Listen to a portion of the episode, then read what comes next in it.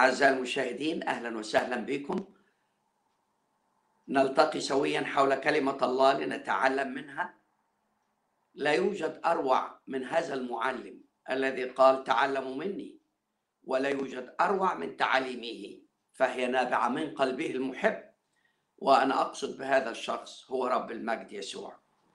تعالوا نتعلم سوا ونتلمذ على أيديه. نبقى خدام ليه تنمو حياتنا وتثمر. لمجد اسمه.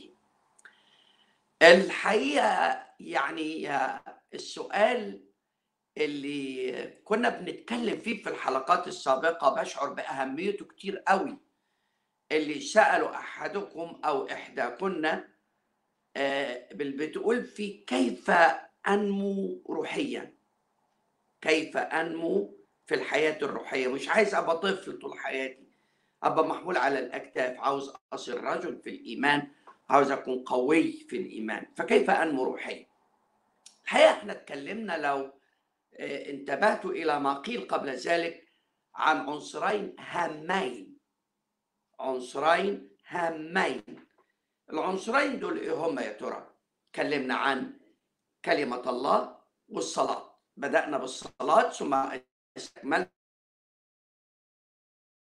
إن السائل بيسأل بالكيفية الظريفة دي اللي هقراها على مسامعكم بيقول حدثتني عن عنصرين هامين للنمو الروحي هما الصلاة وكلمة الله.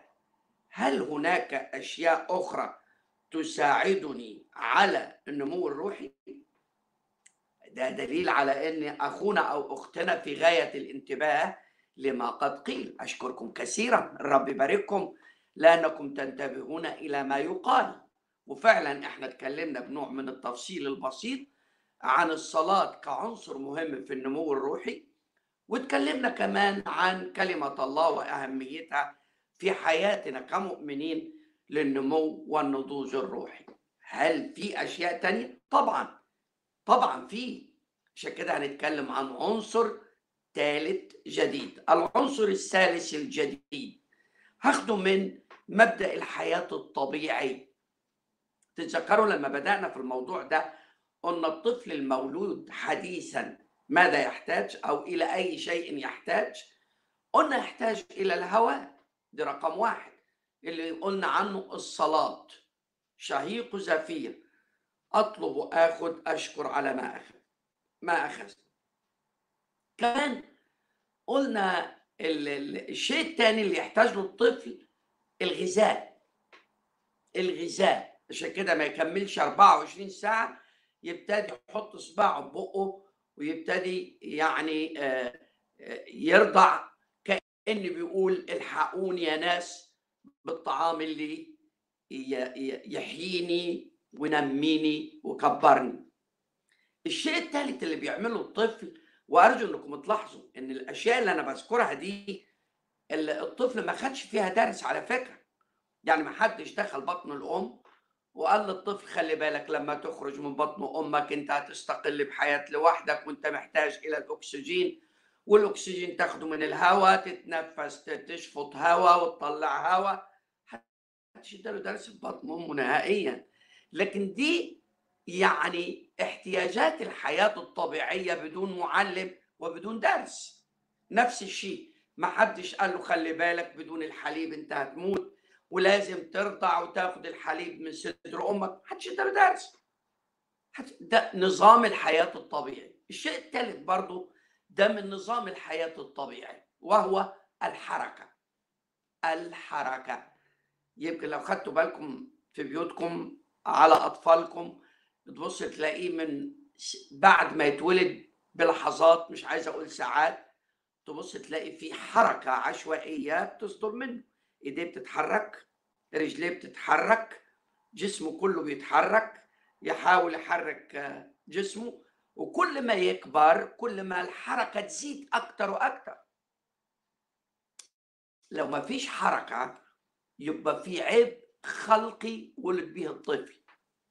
لازم الحركة الطفل اللي نحطه في مكانه بدون ما يتحرك ده محتاج إلى يتعرض على الطبيب لاكتشاف المرض مبكرا.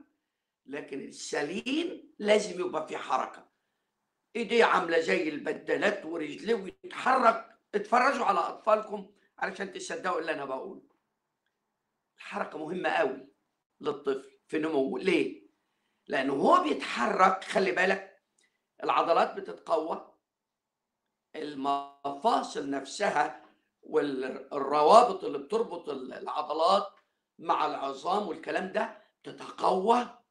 علشان كده دي بتنمو بسرعة فالحركة مطلوبة ومهمة.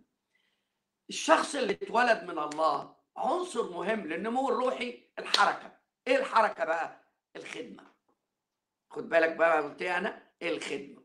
يبقى تصلي. اتنين كلمة الله لازم تشبعك تاكل منها كل يوم. رقم ثلاثة لازم تشهد للمسيح. عاوز تكبر؟ ما تبقاش خامل. بدون حركة عمرك ما هتكبر. تحرك. اشهد للمسيح. قدم شهادة للرب. قدم شهادة. مش معنى ذلك لما بقول لك اشهد للرب واخدم الرب إن حضرتك محتاج تدخل كلية مسيحية عشان تتعلم أو تجيب كتب دراسية وتدرس. أنا ما أقصدش كده مع إن ده كويس. مش عيب خلي بالك ما تفهمنيش غلط.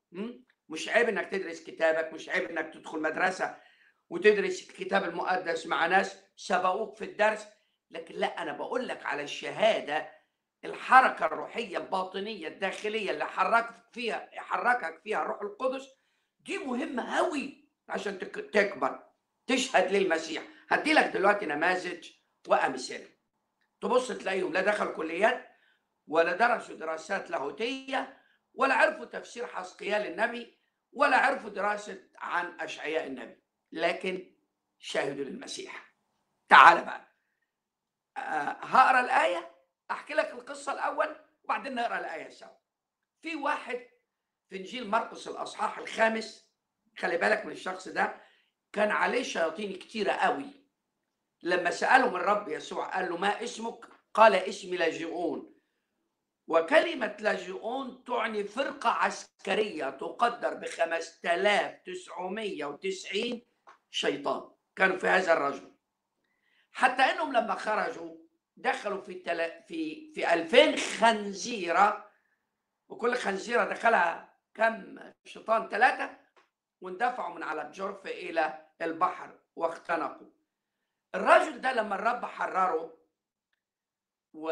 ورعاة الخنازير راحوا خبروا وقالوا لأهل المدينة خسرنا الخنازير المجنون عقل الشياطين خرجت منه.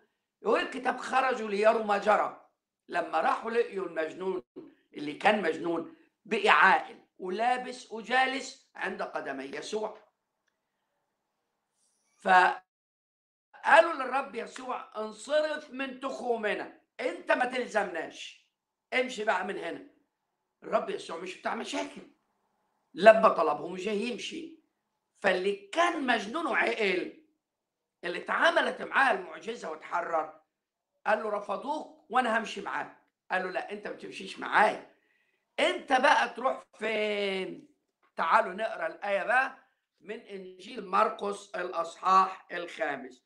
شوف الرب يسوع بيقول له إيه. مش قال له أيوه تعالى معايا برافو عليك. قال له لا. انت بالذات تروح تعمل اللي بقول لك عليه ده. اسمع كده يقول له إيه؟ يقول ولما دخل السفينة طلب إليه الذي كان مجنونا أن يكون معه فلم يدعه يسوع بل قال له اسمع اذهب إلى بيتك وإلى أهلك وأخبرهم كم صنع الرب بك ورحمك. روح روحوا لهم إيه اللي حصل معاك. تقدر تقولوا لي ده درس إيه؟ ده في يوم التحرير الرب أرسله. هيروح يقول للناس إيه؟ هيقول لهم كنت مجنون وبقيت عاقل. طب واللي جننك؟ كانت الشياطين مستعبداني طب مين خرجهم واحد اسمه الرب يسوع. شايف؟ أنا بوريك الأمور ماشية إزاي. شهادة عملية نابعة من حياة داخلية عن عمل نعمة الله في الحياة. المرأة السامرية المرأة السامرية لما الرب غيرها وخلصها اللي في يوحنا أربعة مضت إلى المدينة وخبرت الناس وقالت تعالوا شوفوا إنسان قال لي كل ما فعلت. وكانت سبب بركة لكل المدينة اللي خرجوا ومسكوا في الرب يسوع ومكث معهم يومين. ووصية الرب لينا إحنا كمان إننا نذهب ونخبر الناس في كل مكان. اذهبوا إلى العالم أجمع واكرزوا بالإنجيل الخليقة كلها. وشاول الطرسوسي لما الرب يسوع اتعامل معاه في أعمال الرسل أصحاح تسعة يقول بعد ما وقعت القشور من عينيه واختبر الخلاص ابتدأ يكرز ويقنع اليهود أن المسيح هو ابن الله.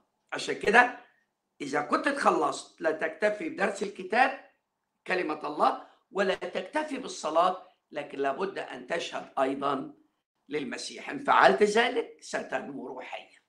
تعال نصلي مع بعض. شكرا ليك من كل القلب لأنك خلصتنا وغيرتنا وتريدنا أن نشهد عن عمل نعمتك في حياتنا. يا رب بالروح القدس ارسلنا وخلينا نشهد إزاي اتعاملت معانا وإزاي خلصتنا. لك الكرامة والمجد إلى الأبد. آمين. آمين يا حبايبي الرب يبارككم ومعاكم إلى أن نلتقي في حلقة أخرى.